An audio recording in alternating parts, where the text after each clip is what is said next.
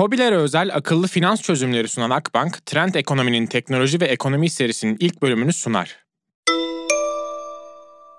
Gündelik hayatımızın diyalogları küçük sorular etrafında şekilleniyor. Ekmek kaç para, çocuklar nasıl, neden geç kaldın, bugün ne yaptın vesaire. Bu küçük soruların peşinde günler, haftalar, aylar hatta yıllar birbirini kovalıyor. Ama bir de gündelik hayatımız akıp giderken üzerine durup düşünmediğimiz büyük sorular var. Uygarlığımıza dair büyük sorular. Mesela, mesela kırlarda yaşarken neden kentlerde yaşamaya başladık? Neden Avrupalılar Amerika'yı keşfetti de Amerikalılar Avrupa'yı keşfetmedi? Zorunlu eğitime, kamusal sağlık hizmetine, asgari ücret düzenlemesine ya da emeklilik sistemine neden ihtiyaç duyduk? İhtiyaç demişken, ihtiyaçlar icadın anasıdır derler. İcatların temelinde ihtiyaçlar yatar. Bu önermeden hareketle bu podcast dizisinde uygarlığımıza ilişkin bir büyük soruyu cevaplamaya çalışacağız. Soru şu, interneti neden bulduk? Nasıl bulduk değil, neden bulduk? Hangi ihtiyaç bizi internete ve dolayısıyla sanayi 4.0'a götürdü? Neden her geçen gün daha da dijitalleşiyoruz? Bu soruyu yanıtlayabilmek adına içinde yaşadığımız uygarlığın siyasal ve ekonomik kökenlerine mini bir yolculuk yapacağız. Ekonomik gelişme, büyüme, refah ile teknoloji arasındaki ilişkinin 500 yılını beraber inceleyeceğiz. Bu yolculuğun sonunda hepimizin üç aşağı beş yukarı fikir sahibi olduğu Sanayi 4.0 hakkında daha derinlikli düşünme fırsatımız olacak. Girişimcilik denen şeyin teknolojiyle nasıl iç içe olduğunu kavrayacağız. 4 bölümlük bu serinin sonunda Sanayi 4.0'a varacak olan bir yolculuğa çıkacağız. 500 yıl öncesine Manchester'a gideceğiz. Seri boyunca yer yer ODTÜ Sosyal Bilimler Enstitüsü Bilim ve Teknoloji Politikaları programında eğitim veren iki hocamız da bize eşlik edecek. Giriş uzatmadan bitireyim. Ben Ozan Gündoğdu, hazırsanız başlayalım.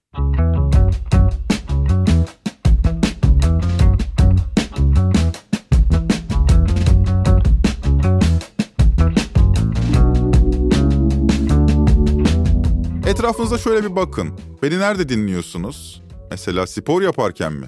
Otomobilinizde yoksa ev işleriyle mi uğraşıyorsunuz? Cevabınız ne olursa olsun insanlık hayranlık verici bir uygarlık inşa etti. Bunu farkına varmalıyız. Devasa binalar, yollar, köprüler, telefonlarımız, bilgisayarlarımız, otomobillerimiz, hızlı trenlerimiz, uçaklarımız, WhatsApp, Twitter, insanlar arası iletişim hiçbir uygarlığın hayal dahi edemediği bir aşamaya ulaştı.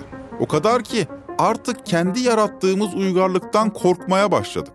O kadar karmaşık bir uygarlık inşa ettik ki bu uygarlığa adapte olabilmek için yıllarca eğitim görmek zorunda kalıyoruz. Temel düzeyde matematik bilmeden, okuma yazma bilmeden hayatta kalmanın imkansız olduğu bir uygarlık bu. Hatta iş bölümüne katılmak için temel düzeyin de ötesinde bir eğitime ihtiyaç duyuyoruz. Belli bir uzmanlaşmaya sahip olmadan hayatta kalabilecek konforu elde edemiyoruz. Fakat yine de gündelik hayatımızda sürekli kullandığımız aletlerin nasıl çalıştığını bilemiyoruz. Diğer canlılardan alet yapabilme yeteneğimizle ayrılıyoruz. Telefon mesela. İnsanlık 200 yıldır telefonun ne demek olduğunu biliyor bilmesine de siz bir telefon yapabilir misiniz? Ya da televizyon, bir otomobili ya da bir treni yapabilir misiniz? O halde kim yapıyor bunca aleti? Cevabı verelim. Hepsini ama hepsini biz, hep birlikte biz yapıyoruz. İşte içinde bulunduğumuz uygarlığın sırrı da bu. İş bölümü ve uzmanlaşma. Anlamlandıramadığımız aletleri kullanıyoruz. Bu aletler sayesinde doğaya karşı verdiğimiz mücadelede üstünlük bizde. Bu aletlerin nasıl çalıştığını bireysel olarak bilmiyoruz ama toplumsal olarak bu aletleri hepimiz yapıyoruz. Bu aletlerin yapımına farkında olmadan katkı sunuyoruz. Örnek verelim. Diyelim ki doktorsunuz. Bu aletlerin yapımında çalışan işçiler hastalandığında onları tedavi ediyorsunuz. Belki mimarsınızdır. Bu aletlerin fabrikasını inşa ediyorsunuz. Belki mühendissinizdir. Bu aletleri tasarlıyorsunuz. Belki de işçisinizdir. Bu aletlerin fabrikasında çalışıyorsunuz. Bir komedyenseniz tüm bu sürece katılanların gerginliğini azaltıyorsunuz. Yani uzatmayayım. Her birimiz bir alanda uzmanlaşıyoruz ve uygarlığımız akıl almayacak büyüklükte bir iş bölümünü dayatıyor bize. O yüzden iş bölümü ve uzmanlaşma diyorum. Her birimizin değişen önemlerde katkısı var hayatımıza. Mesela bin yıl önce nasıl yapıldığına ilişkin hiçbir fikrimizin olmadığı aletlerimiz yoktu. Aletlerimizi bir, iki, bilemediniz üç kişinin dayanışmasıyla yapıyorduk ve bu aletleri onları yapanlar kullanıyordu. başkasının aletlerini kullanmazdık. Bunun için piyasa adı verilen alıcıların ve satıcıların bir araya geldiği mekanizmanın gelişmesini bekledik. Peki ne zamandan beri böylesine yoğun iş bölümü ve uzmanlaşma gerektiren aletlere sahibiz? Ne zamandan beri anlamlandıramadığımız aletlerimiz var? Bu soruyu cevaplayabilmek için birkaç yüzyıl kadar geriye gideceğiz. Endüstri denen şeyin başladığı yere, İngiltere'nin Manchester kentine. Bu dizinin ilk bölümünde sizlere Manchester'ın hikayesini sunacağız.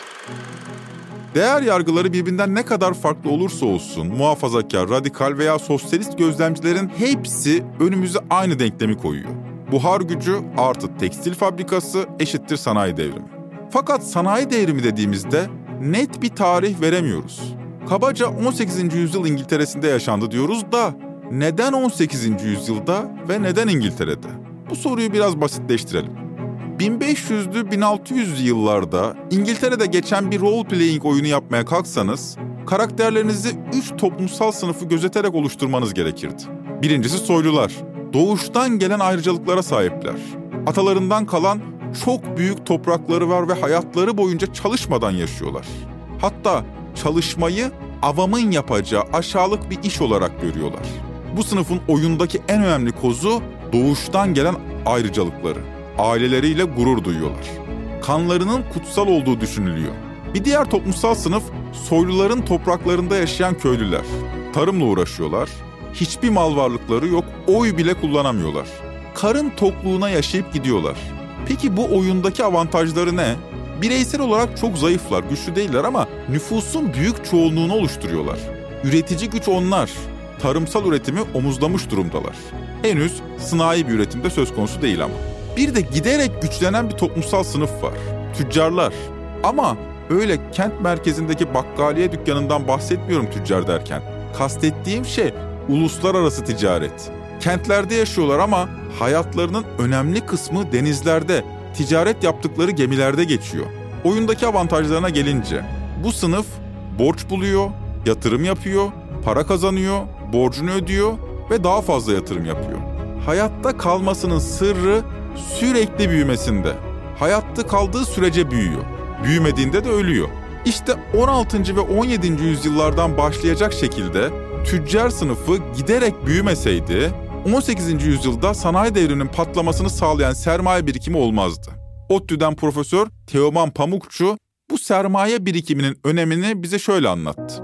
Çok uzun süredir, yüzyıllardır bir sermaye birikimi hem ülke içinde İngiltere'de hem de ülke dışındaki sömürgelerden gelen kaynaklarla sağlanan bir sermaye birikimi vardı. Hatta buna bazı iktisatçılar Marx dahil ilksel sermaye birikimi diyorlar. Yani sonuçta teknolojik gelişmeler olduğunda yatırım yapmak için, sermaye teçhizat yatırımı yapmak için sermaye gerekiyor. Bu sermaye birikimini de, ilksel sermaye birikimini de İngiltere büyük ölçüde sağlamıştı. E, teknolojileri de yani bir bu işte sanayi devrimi diyoruz buna ama o devrim kelimesi radikal ve kısa sürede gerçekleşen olaylara atıfta bulunuyor. Bu anlamda sanayi devrimi tam bir devrim değil. Yani yüzyıllar boyunca bir takım birikimler oldu. İşte sermaye birikimi. Aynı zamanda kıta Avrupa'sından özellikle bu din savaşlarından dolayı İngiltere'ye göç eden önemli bir nitelikli iş gücü oldu. Nitelikli iş gücü akımı oldu. İşte zanaatkarlar, alanlarında deneyimli olanlar, becerili olanlar İngiltere'ye göç etti. Bunların da çok büyük katkısı oldu birinci sanayi devriminde. İşte sömürgeler, sömürgelerden gelen sermaye birikimi ve e, zaman içinde sanayi devrimi başlamadan ve başladıktan sonra oralardan yapılan aramalı ham madde ithalatı da İngiltere'de birinci sanayi devriminin ortaya çıkmasına büyük katkıda bulundu. İşte ekonomik, siyasi ve teknolojik gelişmeler bir araya gelince İngiltere'de ortaya çıktı. Devrim deyince aklımıza Fransız devrimi, Rus devrimi gibi politik devrimler gelmesin. Sosyolojik, ekonomik ve politik bir dönüşümden bahsediyoruz. Başlaması için bile 100-200 yıl gerektiren bir dönüşüm.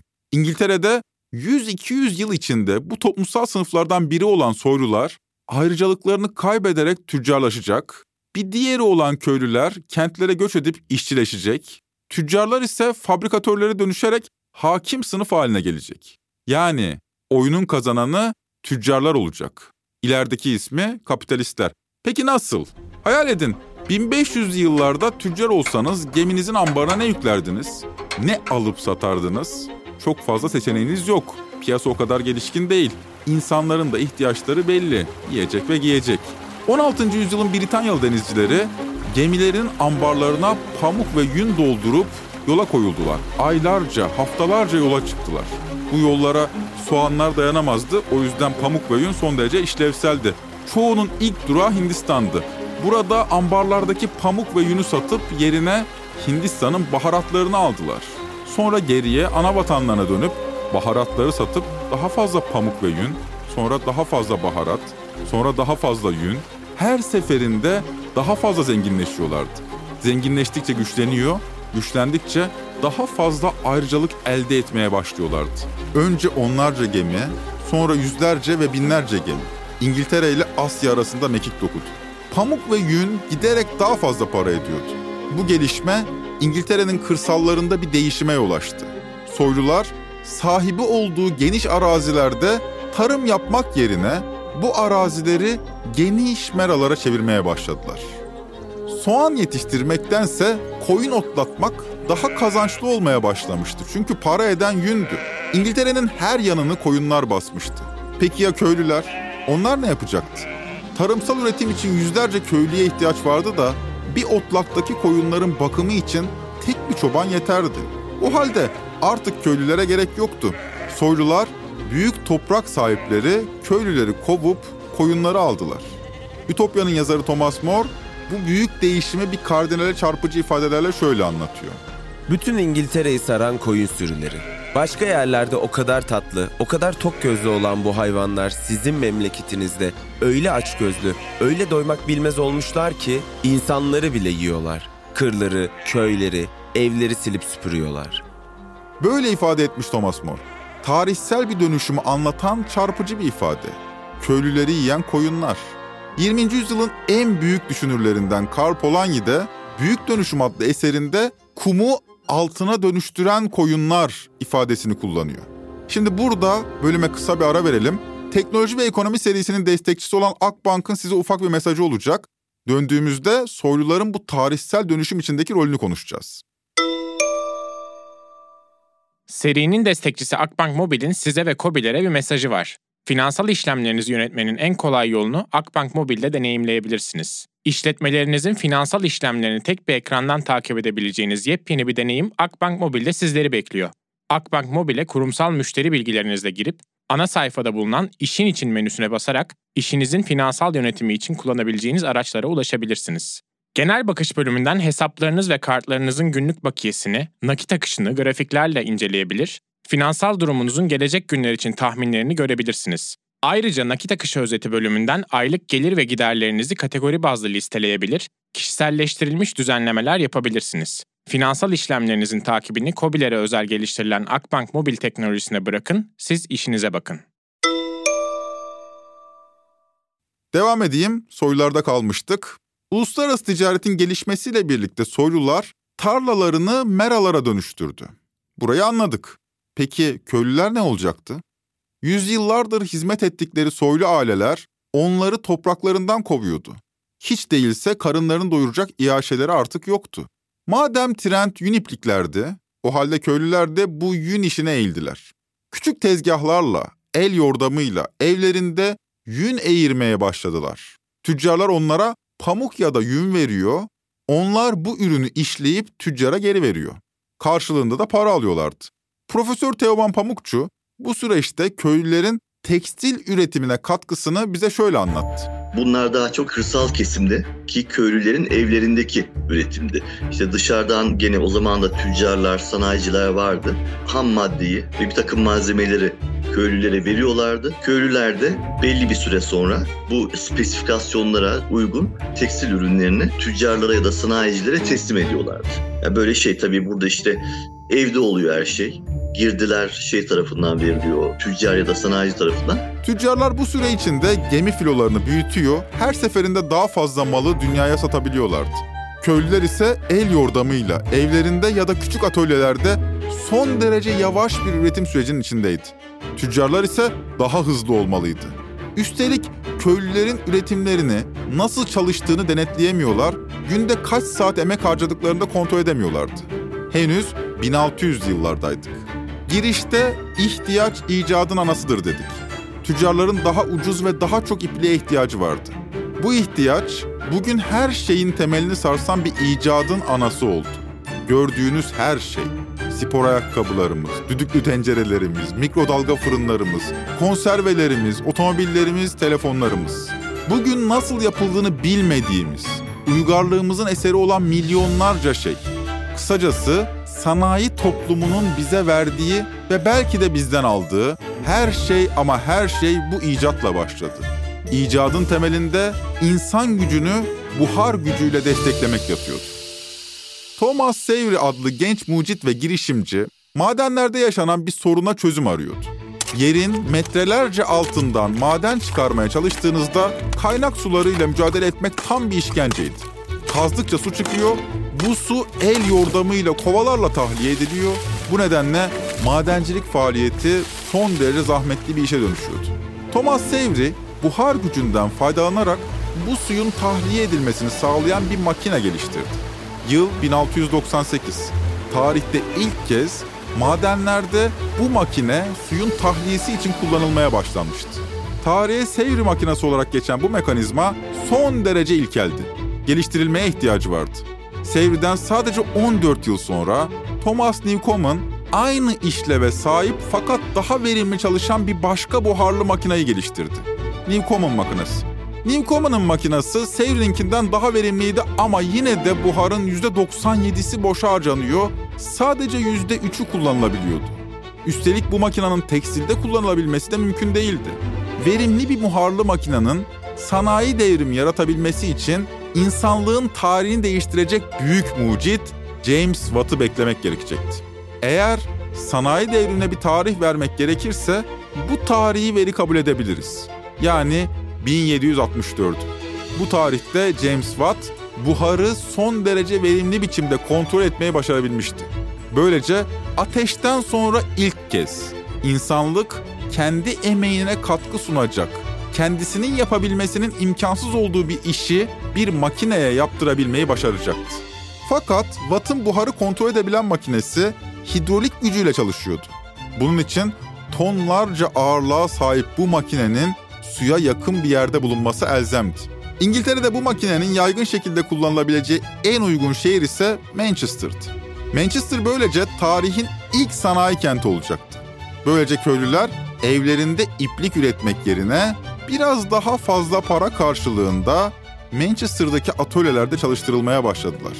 Tüccarlar da fabrikatörlere dönüşmeye başlıyordu. Böylece 1800'lere gelindiğinde her şey ama her şey değişmeye başladı kırdan kente göçe zorlayan ekonomik şartlar Manchester'ı hızla büyüyen bir şehre dönüştürüyordu. Teoman Hoca'ya kulak verelim. Tabii proleterleştiği zaman köylüler ve fabrikalarda çalışmaya başladıklarında bu bitti. Oradaki işverenin ve ustabaşıların kontrolü altında 7-24 çalışıldı. İktisat tarihçileri o dönemi şey olarak tarif eder. Hiç soğumayan yataklar işte yatakhanelerde kalıyor işçiler. Çocuk işçiler, erkek işçiler, kadın pek yok. Yani yattıkları yataklar hiç soğumuyor çünkü vardiyayla çalışıyorlar işte. 12 saat, 10 saat, 11 saatlik vardiyalarla çalışıyorlar. Yani o daha evvelden köydeki üretim sürecindeki o özerklik zamanı biraz istediği gibi kullanma tamamen bitti. Sonuç ne oldu? Sanayileşmeden önce de, sanayileşmenin ilk dönemlerinde de uluslararası tekstil sektöründe piyasa büyük ölçüde Hindistan'da üretilen Hint tekstil ürünlerinin kontrolündeydi. İşte Osmanlı da tabii üretim yapıyordu ama büyük ölçüde Hint tekstil ürünleri, dokuma ürünleri piyasaya ele geçirmişti. Ucuzdu, kaliteliydi. İşte talep görüyordu Avrupa'da. İlk baştaki teknolojik gelişmeler bu üstünü kıramadı Hint ürünlerinin. Ama bir yerden sonra o e, raddeye geldi ki teknolojik gelişmeler hem Hintlilerden daha ucuz üretti İngiltere dokuma ürünlerini hem de en az onlar kadar kaliteli. Tabii böyle olduktan sonra kısa bir süre içinde Hindistan'ı, Hint ürünlerini piyasadan sildi ve üstünü ele geçirdi. İngiliz tarihçi Simon Schama, Manchester'ı gezen bir Amerikalının gözlerine inanamadığını anlatır. Yatakların hiç soğumadığı koğuşlar. Aynı yatağı bir diğer işçiyle paylaşan bir düzen. 12 saat bir işçi, 12 saat bir işçi. Vardiya sistemiyle çalışan yüz binlerce insan. 12 saat çalışma, sonra yemek ve uyuma. Sonra gece vardiyası. Her gün, her hafta, her ay. Emeklilik yok, asgari ücret yok, sosyal güvenlik yok. Hastalansanız şifacıya gideceksiniz, hastane bile yok. Bu durum fabrikatörün de işine gelmiyordu. İlerleyen zamanlarda sağlık hizmetinin kamusal olarak verilmeye başlamasını fabrikatörler de isteyecekti. Tabii emeği daha nitelikli hale getirmek için kamusal eğitim hizmetini de. Devam edelim. Kente göçle birlikte artık tekstil ürünleri evlerde değil, büyük atölyelerde üretilmeye başladı. Fabrikatörler üretim sürecine giderek daha fazla hakim oldular ve gündelik hayatta zaman giderek önem kazandı. İşe giriş saati, işten çıkış saati, yemek saati, dinlenme saati. İşte modern hayatımızın temelleri sanayi devrimiyle böylece atılır. Kent merkezlerinde saat kuleleri yükselmeye başlar. Fabrikatörlerin cebinde de köstekli saatler görürüz. Üretim sürecinde denetim artar. Kaytarma yok, hastalanırsan para yok. Ne demişler? Vakit nakittir. Buharın kontrol altına alınması sayesinde tekstil ürünleri çok daha ucuz üretilmeye başlar. Ne demiştik? Denklem belli. Buhar makinası artı tekstil fabrikası eşittir sanayi devrimi. Çünkü ürünün içine giren teknoloji yani buhar makinesi sayesinde ürün için gereken emek gücü azalır. Daha doğru ifadeyle emek gücü toplumsallaşır. İşçi verimliliği görülmemiş oranda artar. Sadece birim maliyetler düşmez. Aynı zamanda ürünlerin kalitesi de artar. Ürünler standart kaliteyi korumaya başlar. Böylece Hindistan pazarı İngiltere'ye taşınır. Birim maliyeti düşürüyor ama kaliteyi de yani işte Hint ürünleriyle ilk başta rekabet edememesinin istediği kadar İngiltere'nin sebebi maliyeti düşürmesi ama o ürünün kalitesini de Hint ürünlerinin kalitesini yakalayamamasıydı.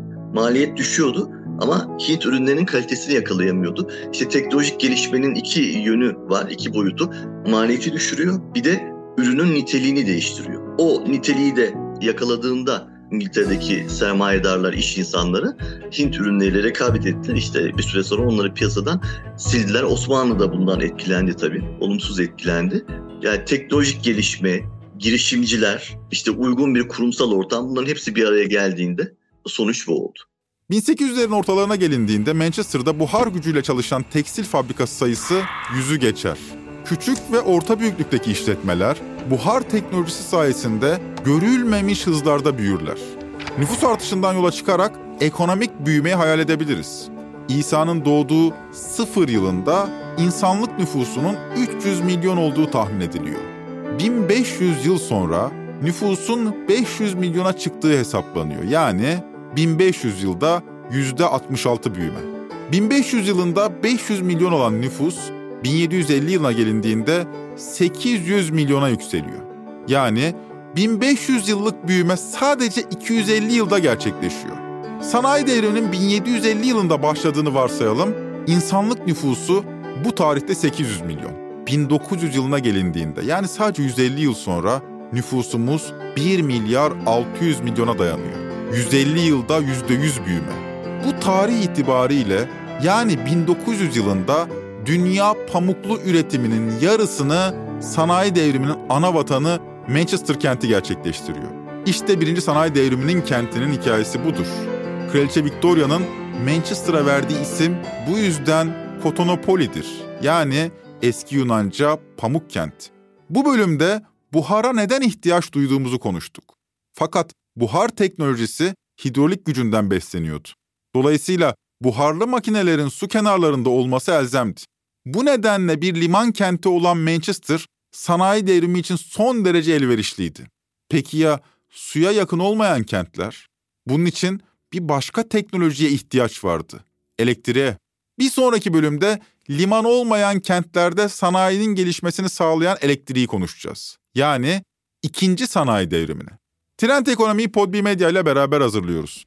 Teknoloji ve Ekonomi serisinin destekçisi Akbank'a teşekkürlerimizi buradan da ileteyim. Bir sonraki bölüme kadar lüzumsuz ışıkları söndürmeyi unutmayın.